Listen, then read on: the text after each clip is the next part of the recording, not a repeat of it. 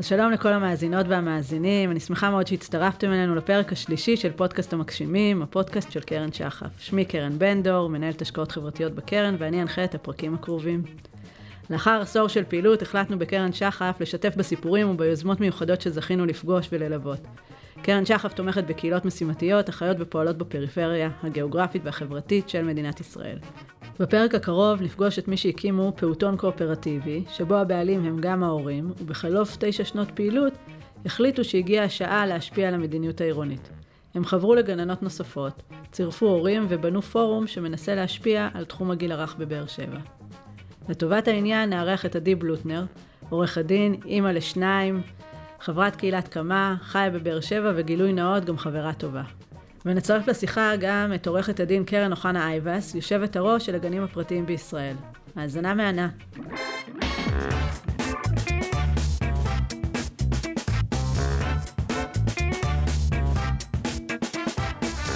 היי עדי, כיף שאת איתנו, מה העניינים? טוב מאוד, גם אני שמחה להיות פה. איזה כיף. עדי, בואי נתחיל בהתחלה. תספרי לנו, אה, אם את יכולה, מה זה אומר פעוטון קואופרטיבי? אה, אז בהחלט אני יכולה. אה, פעוטון קואופרטיבי, בעצם המשמעות שלו היא שההורים הם הבעלים של הגן. אה, ההורים הם מעסיקים את הגננות, הם מנהלים את התקציב, הם מקבלים את כל ההחלטות. האופן שבו הקואופרטיב שלנו פועל הוא שלכל משפחה אה, הורים, אה, זוג הורים או נציגות של משפחה, יש מניה אחת שהם בעצם מתחייבים אליה בתחילת הדרך, הם רוכשים מניה בסכום מסוים שהגדרנו ביחד, ו, ובעצם המניה הזו קונה להם קול. אה, הקול הזה הוא אחד מ... אספת הקולות של הקואופרטיב, ויחד בעצם מקבלים את כל ההחלטות, גם בקשר למדיניות החינוכית ומדיניות כלכלית, וגם בקשר לתזונה, אה, גם החלטות, אה, כמו שאני אספר אה, בטח עוד מעט, על סוגיות משפטיות שעולות לאורך הדרך. כל אחד מההורים בעצם יש לו, מהמשפחות יש לו בעצם קול אחד סביב השולחן. למה החלטתם להקים את הפעוטון? אז פה אני בעצם חייבת קרדיט uh, לחבריי שעשו ילדים לפניי, uh, ואני עוד, uh, כשבעצם הקואופרטיב הוקם, אני עוד הייתי במחשבות על, uh, על ילדים, uh, אבל אני זוכרת היטב את השיח סביב הקמת הפעוטון. Uh, בעצם uh, ממש uh, כשהחברים בקהילה שלנו היו uh, עם uh, פעוטות קטנים, uh, והסתכלו סביב וחיפשו מקום לשלוח אליו, גן לשלוח אליו את הילדים. Uh, אז זה לא שלא היו גנים טובים בבאר שבע, בהחלט היו, ויש עדיין הרבה הרבה מאוד גנים טובים, אבל הם חיפשו מסגרת שבה הם לא יהיו רק צרכנים של השירות, אלא שהם גם יוכלו להשפיע. אה, ופה בעצם נכנס הרעיון של להקים גן שהוא גן קואופרטיבי, שהוא בבעלות ההורים, אה, שבו הגננת היא בעצם לא המוכרת לנו את השירות, אלא ההפך, היא, היא במובן מסוים היא העובדת שלנו. עם השנים אני חושבת שהתפיסה הזאת גם אה, השתנתה ונהייתה מורכבת יותר, והגננת המובילה לפחות, וגם הצוות הוותיק שהלך איתנו אה, לאורך כל השנים, אה, הפכו לשותפות שלנו. כלומר, אה, בעצם הקואופרטיב הזה מייצר שותפות בין ההורים לבין הגננת, וזה מה שכל כך מיוחד בו. אני חושבת שעוד דברים שעמדו ברקע היו ערכים שהיו חשובים לנו כהורים להביא לתוך הגן, ערכים שקשורים בטבע ובתזונה בריאה ובשכר הוגן לצוות ועוד כל מיני נושאים שהרגשנו שרק אם נקים מסגרת שהיא חדשה ובעצם עצמאית, ובה יש לנו את היכולת להשפיע, אז נוכל לעצב את הגן כמו שאנחנו רוצים. Uh, אני חושבת שברבות השנים, uh, הרבה פעמים שאלנו אותנו, את עצמנו, uh, אם זה שווה את זה, כי זה המון המון המון עבודה, וכשפונים אליי uh, מרחבי הארץ הורים ושואלים האם כדאי ואיך כדאי, אז אני, התשובה שלי הרבה פעמים היא לא, uh, היא לא חד משמעית. היא מורכבת. Uh, כן, אבל אני בסופו של דבר יכולה להגיד ששני הילדים שלי, שזכו להתחנך בגן הזה, ו- ועכשיו אה, אה, עוד אחד בדרך, אה, בתקווה יתחנך גם בגן הזה. אה, זאת זכות גדולה מאוד, ובהקשר הזה אני כן מאוד מאוד שמחה שעשינו את זה. אז איך בעצם זה עובד? אם ההורים הם גם הבעלים, גם הצרכנים, איך, איך, איך נראה היומיום של גן כזה? קודם כל, אה, לקח לנו זמן, אני חושבת, להבנות את זה. אה, אם אני, אם אני לא טועה, הימים הראשונים של הגן היו בחצר הבית של אחד מה, אחת המשפחות. אה, לקח זמן למצוא מבנה, לקח זמן להבין איך מנהלים את הגן, מה הקשר בין ההורים לבין הגננת. היום זה מאוד מאוד מסודר, וזה כבר מין מנגנון שעובד היטב הרבה מאוד שנים. אז זה בעצם עובד ככה, הקואופרטיב הוא המליאה, הוא האספה. כל ההורים, החברים בקואופרטיב, הם בעצם, כמו שאמרתי, בעלי זכות ההצבעה. הקואופרטיב הזה בוחר ועד כל שנה, ועד חדש, והוועד יש לו תפקידים. אחד מחברי הוועד אחראי על הקשר עם הגננת ומלווה אותה גם מבחינה מקצועית וגם מבחינת הקשר בין הקואופרטיב לבין הגננת. ובעצם אחראי על כל הקשר עם הצוות. עוד אחד מחברי הוועד הוא הגזבר, ובעצם מנהל את הכספים ומביא את ההחלטות לאישור של הקואופרטיב, אבל הוא עושה את זה ביום-יום. כל התפקידים האלה כמובן בהתנדבות. עוד אחד מחברי הוועד הוא אחראי על הקשר עם ההורים של הקואופרטיב, מארגן את הישיבות, מתכנן, בוחן מה קורה מפעם לפעם, האם יש לנו מספיק חברי קואופרטיב. ועוד אחד מההורים אחראי בעצם על ההרשמות ועל הקשר עם ההורים בגן בשנה הספציפית. חשוב לומר שהגן שלנו, הקואופרטיב פעוט טבע, זה השם של הגן שלנו בבאר שבע, הוא לא סגור רק לחברי קואופרטיב, הוא פתוח לכולם. ובדרך כלל כ-50% מהילדים הם ילדים של חברי קואופרטיב, כלומר הורים שרוצים להצטרף ולקחת אחריות ולהיות חלק מהאספה, ויש הורים שפשוט באים ושולחים את הילדים שלהם לגן, משלמים כמו כולן שכר לימוד, אבל הם לא לוקחים חלק פעיל בקבלת, בתהליך קבלת ההחלטות. מההתחלה היה חשוב לנו לאשר, לאפשר בעצם את שני המסלולים האלה, ואני חושבת שזה גם הוכיח את עצמו. הרבה פעמים אנשים שולחים את הילד שלהם לגן, ואחרי שנה מחליטים להצטרף לקואופרטיב. אמ, וזה, וזה באמת, ויש לזה ערך. וגם חשוב אולי לומר שהקואופרטיב עצמו פתוח לכולם. כלומר, אה, אלא אם כן יש תקופות שבהן אה, יש חוסר ודאות לגבי ההמשכיות של הגן, דבר שקרה לנו פעם או פעמיים במהלך השנים, אה, ואז אנחנו סוגרים לתקופה כדי לראות שבאמת סוגרים את ה... כלומר, שערי הכניסה לקואופרטיב, לראות שאנחנו לא סתם מכניסים אנשים, אבל ככלל, הקואופרטיב פתוח, וכל הורה שמצטרף לגן וששולח את הילד שלו לגן, יכול לקנות מניה ולהצטרף לאספה. ומה, תיארת את, ה, את האתגרים בתחילת הדרך, וגם עכשיו אמרת, היו כאילו אה, תקופות פחות אה, בטוחות, מה היו האתגרים ככה לאורך השנים? אז אני חושבת שאפשר לסמן כמה אתגרים מרכזיים. אמ, אתגר אחד, אה, שאולי הוא יחסית טריוויאלי, זה האתגר הפנימי, של הניהול הפנימי, אה, של הקונפליקטים. את יודעת, ברגע שיש אספה של הורים, אה, ש-30 הורים, 30 דעות, לאן הולכים, מה, מה הכיוון של הגן, על מה חשוב, חשוב לשים דגש, הרבה סוגיות תקציביות, על מה לשים את הכסף.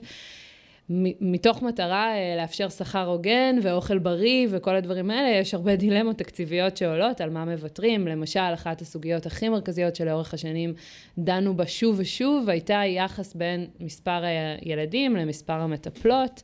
אה, כמובן שיש לזה עלות משמעותית, וזה גם מה שאנחנו שואפים אליו, זה יחס כמה שיותר נמוך בין, ה, בין אה, מספר המטפלות למספר ה...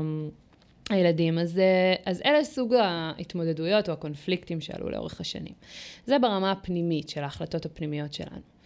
האתגר הכי מרכזי שהיה לנו לאורך השנים אה, כלפי חוץ, אה, אם, אם אני קוראת לזה ככה, אה, ושהוא גם בעיניי קשור מאוד למדיניות, מדיניות עירונית, מדיניות ארצית, אה, זה הסוגיה של המבנה.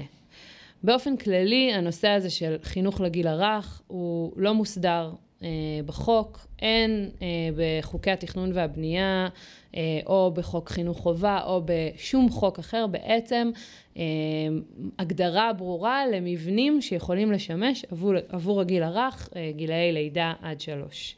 אה, בכל עירייה זה מוסדר באופן קצת אחר, אה, כשבעצם מה שנקרא דרך המלך, כמו שזה מוגדר בפסיקה של בית המשפט העליון, במרכאות, כי זו לא דרך המלך, אה, היא הגשת בקשה לשימוש חורג במבנה קיים, כלומר לקחת בית שהיום משמש למגורים, ובעצם לבקש מהעירייה להתיר לנו להשתמש בו לצורך הפעלת גן.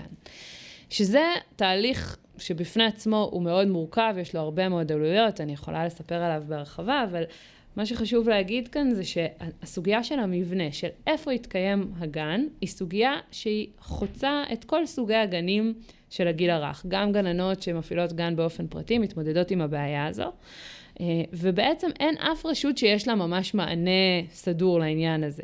אה, יש גופים כמו ויצו ונעמת שהם עובדים בזכיינות של המדינה למעונות יום, אבל הם נותנים מענה, בין, אה, אם אני לא טועה, לשליש מהילדים במדינת ישראל, ועדיין יש שני שליש שההורים שלהם צריכים לצאת לעבודה כל בוקר וצריכים מענה, ו- ולהם אין מענה תכנוני בישראל.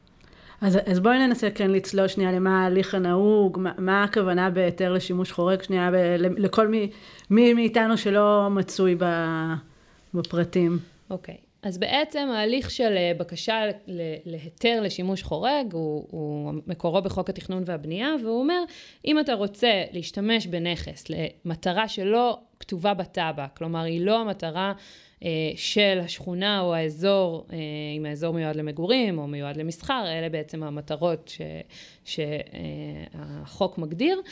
אם רוצים להשתמש בנכס לצורך שלא כתוב בעצם בתב"ע, ולא מוגדר לנכס הזה כהשימוש הרגיל שלו, צריך להגיש בקשה לשימוש חורג. אה, זה נשמע פשוט, אבל זה ממש ממש לא פשוט. קודם כל, כדי להגיש בקשה לשימוש חורג, יש תהליך שלם אדריכלי שצריך לעשות. להוציא את התוכניות מהעירייה, תוכניות המקוריות של הנכס, לערוך עליהם שינויים, להגיש אותם לאדריכל שיתכנן, ואז לבוא ולהציע בעצם את סוג השינויים שאנחנו רוצים לעשות. כל הדבר הזה גם עולה כסף וגם לוקח זמן. אחר כך בעצם צריך לגשת לשכנים, לכל מי שנמצא מסביב לנכס ולבקש את אישורם. לנו קרה לא פעם ולא פעמיים ששכנים לא הסכימו. תופעת נימבי קלאסית, אנשים לא רוצים גן בצמוד לבית שלהם. אפשר להבין את זה, אפשר לא להבין את זה, זו בעיה שנתקלים בה כמעט כל הגנים הפרטיים של גילאי לידה עד שלוש, ונתקלים בה גם הוסטלים לאנשים עם צרכים מיוחדים ועוד עוד כל מיני אה, סוגי שימושים שאנשים לא רוצים אה, צמוד לבית שלהם, אבל מה לעשות, הגנים צריכים להתקיים איפשהו, ואנחנו לא גרים אה, על הר ובמקום מבודד, ולכן כל התהליך הזה של קבלת הסכמת השכנים, או אה, ניהול מאבק משפטי מול שכנים שמסרבים כדי לקבל בכל זאת את אישור העירייה, הוא תהליך מורכב, שלפעמים צריך להכניס בו גם עורכי דין. אנחנו למשל, כקואופרטיב, הוצאנו עשרות אלפי שקלים על ליווי משפטי בתהליך הזה, פעמיים, פעמיים נדרשנו לעשות אותו בשני נכסים שהגענו אליהם.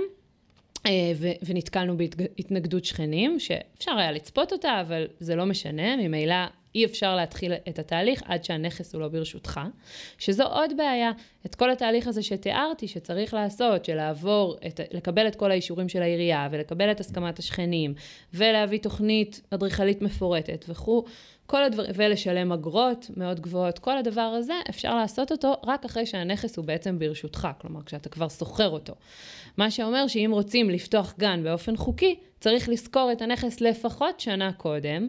לשלם ש... עליו. לשלם עליו, בדיוק. בלי הכנסות. בלי הכנסות. אי אפשר להפעיל את הגן בשנה הזאת. מה שקורה בפועל לכמעט כל הגנים, זה שהם נכנסים לנכס, מתחילים להפעיל כי אין דרך אחרת לקיים כלכלית את, ה, את הגן, בין אם הוא קואופרטיב ללא מטרות רווח ובין אם זה גן של אה, גננת שמתפרנסת מה, מהדבר הזה. אי אפשר אה, להתקיים בלי השכירות, בלי השכר לימוד, אי אפשר לשלם שכירות בלי כל הדבר הזה, וגם אי אפשר לשלם על תהליך השימוש החורג בלי שיש הכנסות שוטפות.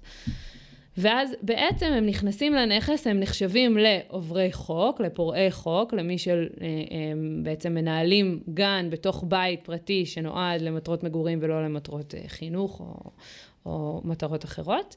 אה, ובנוסף לכך שהם מנהלים הליך של בקשה לשימוש חורג, הם גם נדרשים לנהל הליך משפטי, שבו העירייה בעצם אומרת להם, אתם לא יכולים להשתמש בנכס, ומאיימת בצווים משפטיים.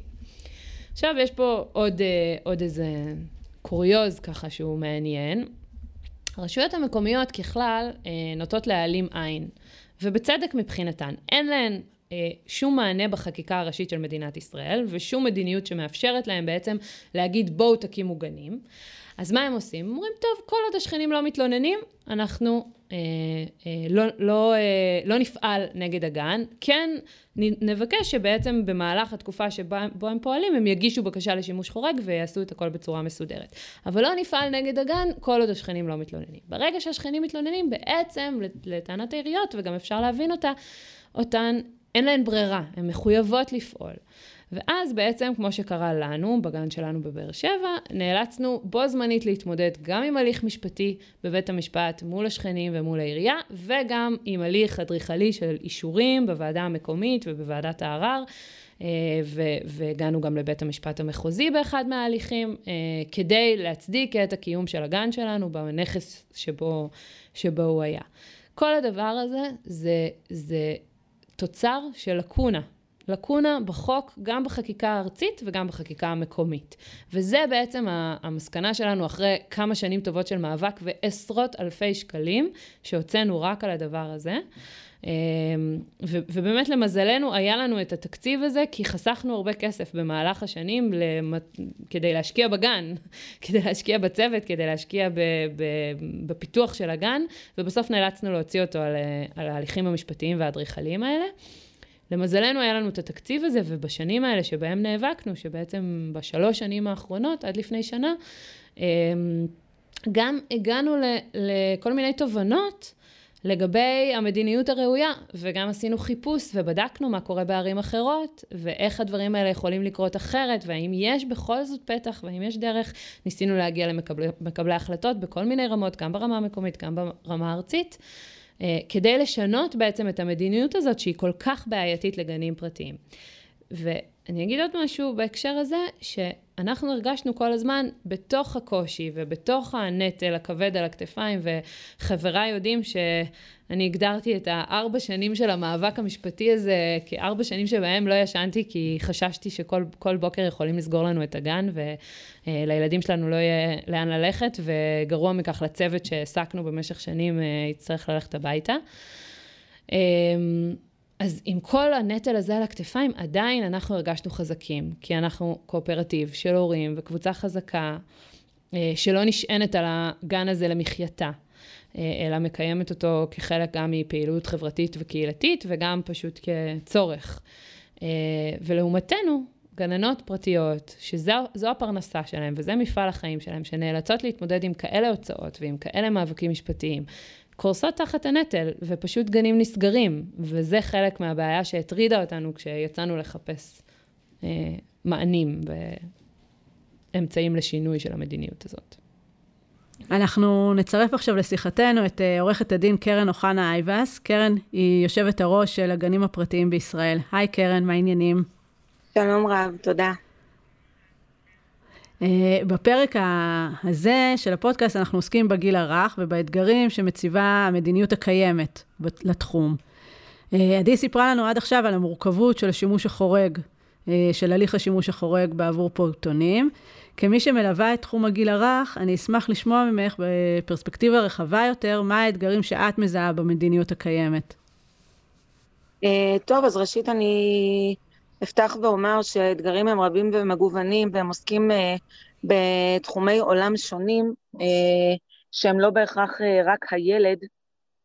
זאת אומרת שמי שעוסק בגיל הרך בגילאי לידה עד שלוש אה, נתקל בכל מיני חזיתות שהוא צריך להתמודד בהן עוד לפני בכלל שהוא הניח מפתח על הדלת. אז אם אה, עסקתם קודם אה, בשימוש החורג, אז אתם מבינים שהתנהלות של מסגרות פרטיות לגילאי לידה עד שלוש במרחב הפתוח, אני קוראת לו, שזה לא במעונות הציבוריים, אז אתם יודעים שיש הרבה בירוקרטיה ופרוצדורה מול השלטון המקומי, מול אה, חוק התכנון והבנייה וכולי. אה, יחד עם זאת, אנחנו מתמודדים עם שני דברים נוספים. האחד זה שלאחר 70 שנות קיום בעצם המדינה החליטה לקחת אחריות על גילאי לידה עד שלוש ויצרה חוק שנקרא חוק הפיקוח למעונות יום ומסגרות לפעוטות שאמור להסדיר באמצעות סטנדרטים מסוימים את הטיפול בילדים בגיל הרך. אה, לצערי החוק הוא על חצי קלאץ', זאת אומרת שהוא מטפל בחלק מהדברים ובחלק פחות, הוא חוק מאוד טכני, שכרגע כל דרישותיו ומידותיו הם אה, בנוגע לכוח אדם, שצריך אה, לעשות קורס עזרה ראשונה, התנהלות בטוחה, שזה עניין הבטיחות בגן, לעבור אי רישום פלילי, וכמובן שהגן צריך לעבור הליך שנקרא אישור ראשוני. זה ניצנים של הכרה בעצם של המדינה בטווח הגילאים האלה, כי אנחנו יודעים שכל השנים אה, חוק החינוך היה חובה בעצם אה, מגיל שלוש, וזה בעצם היה האחריות של המדינה, ומה שמתחת היה לכל דכפין. ואנחנו נתקלנו, נתקלנו במסגרות שנפתחות כפטריות אחרי הגשם, שמי שהיה מודע להם זה בדרך כלל שכנים שיצרו התנגדות או הסכמה לקיומם. אבל היה שם גם יופי, ואני אגיד מה היופי. בעצם היה יכולת, אה, להורה יכולת לבחור את החינוך שבו יתחנך ילדו. קמו מסגרות בהתאם להיצע וביקוש וקמו מסגרות בהתאם לגישות חינוכיות. זאת אומרת שאם היו לנו אה, כל מיני אה, זרמים של אנתרופוסטופיה, של אה, חינוך ערכי, דתי, טבע, ירוק, אה, פילנטרופי כזה ואחר, גנים פרטיים סיפקו את השירות הזה ואפשרו להורים באמת לבחור את החינוך שבו יתחנך ילדם. אבל אנחנו רואים באותו קנה שכל מי שרצה פתח מסגרת, וזה יצר איזשהו רף אה, לפעמים לא גבוה, אני לא אשתמש במילה נמוך, אבל אה, רף לא גבוה של אה, עוסקים במלאכה שצריכים כן להתרומם למעלה אה, באמצעות הדרכות ספציפיות, הכשרות ספציפיות וסינון טבעי. אה, לא כל מי שאוהב משהו, אה, יכול שתהיה לו הזכות אה, לעסוק בזה אם הוא לא מתאים אה, לילדים עצמם. ומה, איך, איך היית רוצה לראות מבחינתך, אה, את אומרת, החוק היום הקיים הוא מאוד מאוד אה, ראשוני, בסיסי, נכון? כאילו, מה היית רוצה לראות? מה צריך, ל, ל, מה, מה מצופה מהמדינה? אה, אני אגיד לך ככה, כיושבת ראש פורום הגנים הפרטיים בישראל, הייתי מצפה מהמדינה לעשות שני דברים. אחד, להכיר בזה שיש כאן ענף שלם שחי, נושם, בועט, שריר וקיים. זאת אומרת, זה שעבר חוק פיקוח ב-2018 לא אומר שב-2018 הקימו מסגרות לגיל הרך. המסגרות האלה פה. מה שצריך לק... לעשות זה לקחת ולעשות לזה upgrade. לקחת ולשדרג, לקחת ולהעצים, לקחת ולהשתמש, ועם הזכויות גם יבואו חובות כלפי המדינה.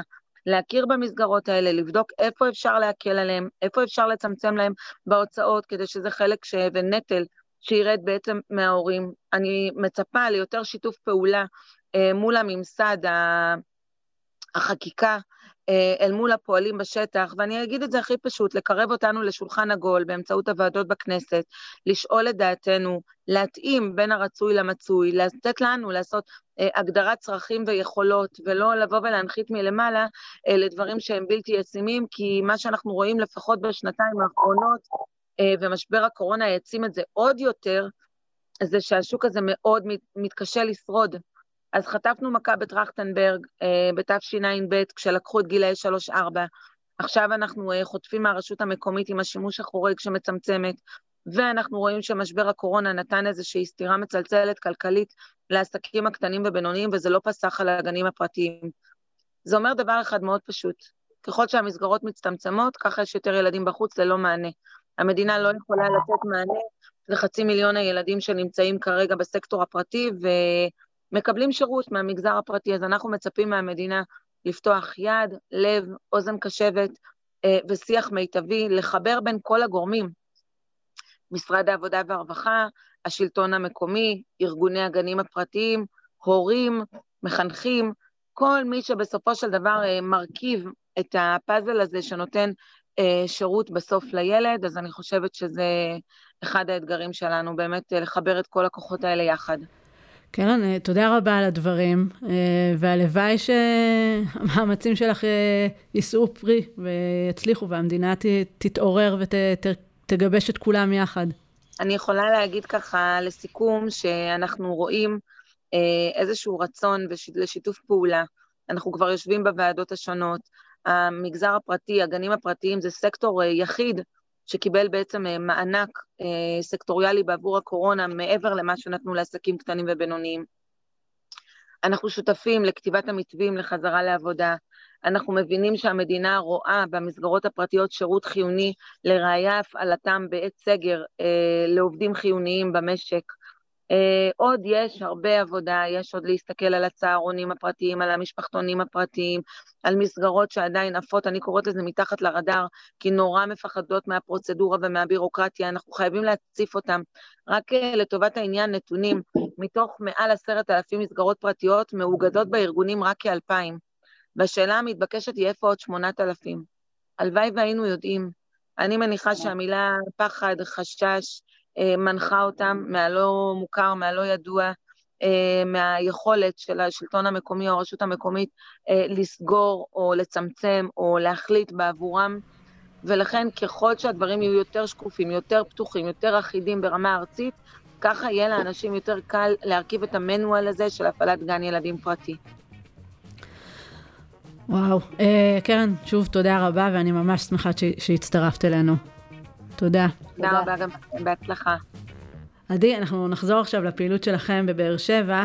אז, אז באמת, כאילו, דיברת גם על ההתמודדות שלכם כקואופרטיב הורים, ושזה אחרת מגננות שמנהלות uh, גן בצורה פרטית אז, ועצמאית, ובעצם uh, גם זה משנה כי אתם לא הוגדרתם אף פעם כעסק, נכון? נכון. אז בעצם תחת מה אתם פועלים? אה, אז קואופרטיב פעוט טבע אה, התאגד תחת עמותה שנקראת ארץ עיר, שזו עמותה שבעצם אה, מפתחת קהילות עירוניות ברחבי הארץ, ועושה מיזמים לפיתוח קהילתי וחיזוק קהילתי. וזו עמותה שהוקמה על ידי הקהילה שלנו, שהיא גם מי שהקימה את הקואופרטיב. ובעצם הפלטפורמה הזו של העמותה אפשרה לנו לנהל את הקואופרטיב ללא מטרות רווח, שזו בעצם מה שרצינו לעשות. ואכן לא, לא הוגדרנו כעסק, היו לזה יתרונות, חסרונות לאורך הזמן, אבל בהקשר של שימוש חורג לא הייתה לזה השפעה, כי ממילא, על אף שאמרנו שזה לא עסק, זה לא משנה, זה לא מגורים. ברגע שזה לא למגורים, אה, נדרשנו לקבל היתר לשימוש חורג והסכמת שכנים וכל התהליך הזה. ובתהליך הזה של ה... גם של ההפעלה של הפעוטון, ויותר מזה, גם במאבקים לאורך השנים שאת מתארת, איפה את רואה את הערך של הבחירה הזאת לפעול ולהתנהל כקואופרטיב הורים, שיש פה בעצם בעלים שהם לא אה, בעלות יחידה, אלא בעלים רחבים? אז אני חושבת שזה קשור למה שאמרתי קודם, התחושה של הכתפיים הרחבות, של הגב, של uh, הרבה מאוד קשרים שהיו לכל אחד מאיתנו, uh, בין אם זה עם גורמים משפטיים uh, שייעצו לנו ועם גורמים אדריכליים שייעצו לנו לאורך הדרך. היכולת שלנו לעשות עבודה בתוך השכונה, למשל במבנה הראשון uh, ש, שבו נתקלנו בהתנגדות שכנים, הצלחנו לפרק את ההתנגדות בלי הליכים משפטיים. אומנם אה, היה, נדרשנו שם לעשות תהליך של שימוש חורג, שגם היו לו הרבה השלכות בירוקרטיות וכלכליות, אבל בסופו של דבר הגענו להסכמות עם השכנים, באמצעות דיאלוג קהילתי שהובילו אותו כמה הורים, שככה עובדות סוציאליות שזו הייתה המומחיות שלהם, ועוד כמה הורים שהתגייסו לנושא, וזה היה, היה לזה הרבה מאוד ערך, ואני חושבת שהכוח הזה שהיה לנו שם, ניסינו גם להפעיל אותו במבנה הבא שעברנו אליו אה, ללא הצלחה, אבל הוא כן סימן איזושהי הצלחה. אה, בהקשר הזה. ו, וגם בעצם הפתרון, אה, ש, שעוד לא סיפרתי עליו, אה, הפתרון אה, שמצאנו עכשיו, שבעצם אה, גאל אותנו מהמאבקים המשפטיים, גם הוא קשור בזה שמדובר בקואופרטיב שמאוגד תחת עמותה ובהרבה הורים עם יכולות שונות ועם אה, נכונות למעורבות קהילתית ובעצם הקואופרטיב הזה מחזיק יותר מרק את הגן, הוא מחזיק קהילת הורים אה, גדולה, רחבה, אה, שיש לה כוח ויש לה יכולת ויש לה גם רצון ונכונות לעבוד יחד ולפעול יחד. אז בואי תספרי באמת על אה, איפה, איפה הפעוטון היום. אה, אז בעצם הפעוטון שלנו, אחרי ארבע שנים במבנה, שכמו שאמרתי, דרש מאיתנו הרבה מאוד מאבקים, וכל פעם היינו צריכים להילחם על זכות הקיום המשפטית שלו בנכס הספציפי, אה, גם אנחנו, אה, גם לנו נמאס, וגם הוחלט באופן סופי על ידי הוועדה המקומית של עיריית באר שבע שלא יינתן לנו עוד היתר, זאת אומרת, נתנה לנו שנה אחרונה אה, כדי למצוא נכס אחר, אה, וזה באמת בעיקר בגלל התנגדות של שכנה אחת שמאוד מאוד מאוד הפריעה לקיום של הגן. אה, ו, ובעצם כשיצאנו לחפש את המבנה הבא, היה לנו ברור שאנחנו לא הולכים שוב על נכס פרטי שבו נידרש לתהליך של שימוש חורג. רק כדי להבין, העלות הכוללת של שימוש חורג היא לאורך, אה, לשימוש אחד? אצלנו זה עלה לנכס אחד מעל 100 אלף שקל, כולל התיקונים שנדרשנו אליהם, למשל, אה, בגלל שזה כל כך הפריע לשכנה, אז חלק ממה שהוועדה המקומית דרשה כדי להתיר לנו את השימוש, היה להקים עוד איזשהו קיר בתוך הגן, וחלונות מזוגגים, וכל מיני תיקונים ושינויים, ועוד כל מיני דברים שהם דרישות אה, אינהרנטיות של הליכי שימוש חורג, כמו מכבי אש, ועוד דברים כאלה.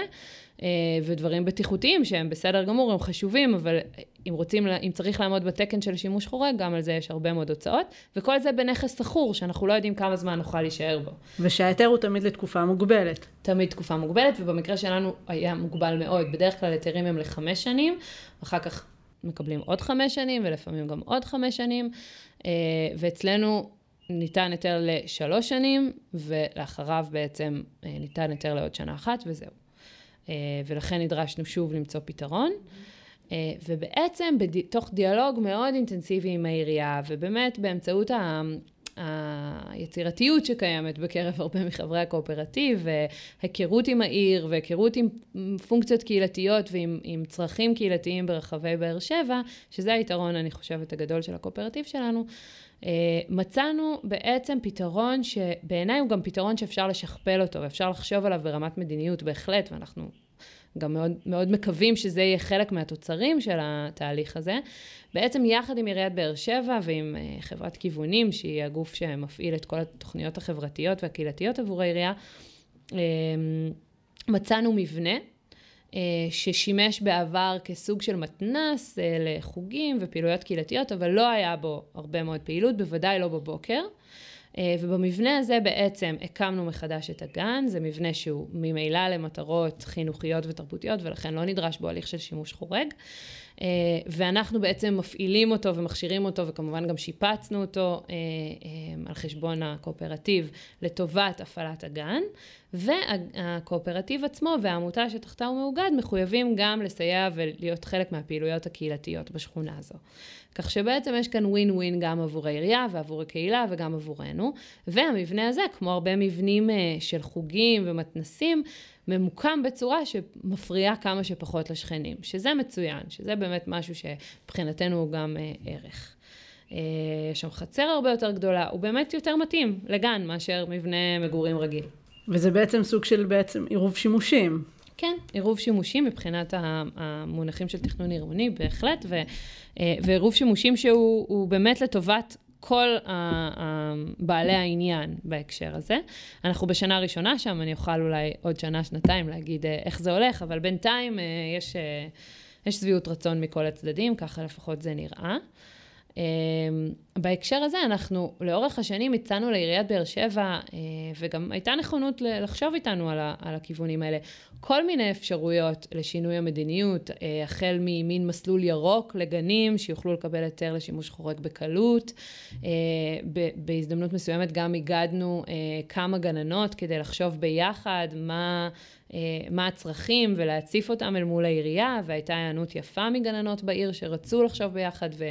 התקיימה ישיבה אז אה, עם הגננות ועם הנציגות שלנו, עם פקידות בכירה של העיר ובתמיכה של ראש העיר, אה, כדי לחשוב ביחד על פתרונות יצירתיים למצב הזה, ללקונה הזאת שבעצם תיארתי מקודם. ומשם יצאו כל מיני רעיונות, בין היתר המודל שלנו היום של עירוב השימושים שדיברנו עליו.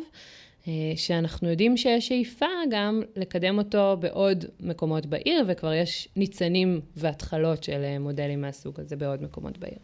מגניב. אז בעצם, אם, אם הבנתי נכון, פעלתם לאורך ה, כל התקופה בשני ערוצים מול מקבלי ההחלטות. אחד, ברמת ה, בערוץ המשפטי, והשני בעצם באיזשהו אה, הליך של אה, תושבים, חברה אזרחית. איך, איך מחזיקים מהלך שהוא אה, מקביל? זה באמת היה מאוד מורכב. אני חייבת לומר. כל הזמן התלבטנו, כי במאבק המשפטי היינו במקום uh, מאוד קשה וקונפליקטואלי מול העירייה ומול השכנה ומול כל מי שהיה מעורב. Uh, ו- ולא רצינו לוותר, כלומר, הרגשנו שמגיע לנו לעמוד על הזכויות שלנו, ובאמת עשינו את זה. בסוף החלטנו ב- בדיון האחרון בוועדת הערר המחוזית, אחרי שעברנו כמה גלגולים, החלטנו שאם באמת תימצא פשרה, אז אנחנו אה, אה, נרד מה, מהמשך ההליך המשפטי, גם לא היה לו טעם עוד. אה, אבל במקביל שמרנו כל הזמן על ערוצי הדיאלוג, גם כשכינסנו את הגננות ואמרנו, אוקיי, הדרך אה, להגיע לעיריית באר שבע, וגם יש להרבה מאיתנו שותפות ארוכת שנים עם עיריית באר שבע ושותפות טובה וחזקה, אה, הדרך להגיע היא דרך דיאלוג, ולא דרך מאבק תקשורתי כזה או אחר. ולכן, כן, שמרנו כל הזמן על הערוץ הזה פתוח, וניסינו גם להביא ברצינות רעיונות רציניים, כלומר, אופרטיביים. אה, ואני שמחה מאוד שבסוף מה שקרה זה שהערוצים התלכדו. כלומר, זה, זה בעצם התוצאה, שבהליך המשפטי אמרו לנו, אמרו בעצם לעירייה, בואו תמצאו פתרון לקבוצה הזאת, לקואופרטיב הזה, לגן הזה, ואז ביחד, אנחנו והעירייה, הבאנו את הפתרון, ש, שבאמת הוא משביע רצון לכל הצדדים, וזה מה שגם uh, הביא את הפשרה המשפטית. אז להורים אה, ולגננות שמבינים שהמדיניות, איפה שהם חיים, היא לא המיטבית, והם היו רוצים להשפיע, מה הטיפ שלך? מה היית אה, ממליצה?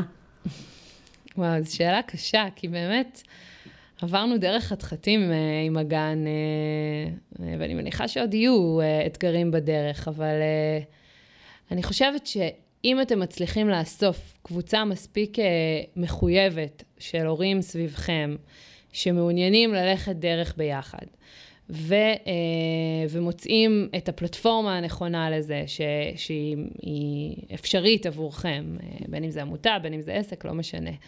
אה, אז, אז אני חושבת שזה אפשרי, שאפשר לצלוח את האתגרים הבירוקרטיים והמשפטיים, ואני מזמינה אתכם להתייעץ איתנו, כי עברנו את זה ויש לנו הרבה טיפים אה, קונקרטיים לתת בדרך. עדי, תודה רבה. אה, מי ייתן והחינוך בגיל הרך לא יהיה מתחת לרדאר, ושבאמת תצמח מדיניות מוסדרת ומותאמת, גם ברמה הארצית וגם ברמה המקומית. ושהילדים שלנו יהיו במקום אה, שיזכו בו לחינוך טוב יותר, איכותי יותר. אמן. תודה. אני רוצה להודות לליאור טף, עורך הפודקאסטים שלנו. אה, תודה לכם, המאזינות והמאזינים. נשמח שתמשיכו לעקוב אחרינו באפליקציות הפודקאסטים השונות, וכמובן שאפשר להתעדכן בפעילות של קרן שחף בפייסבוק. נשתמע בפרק הבא.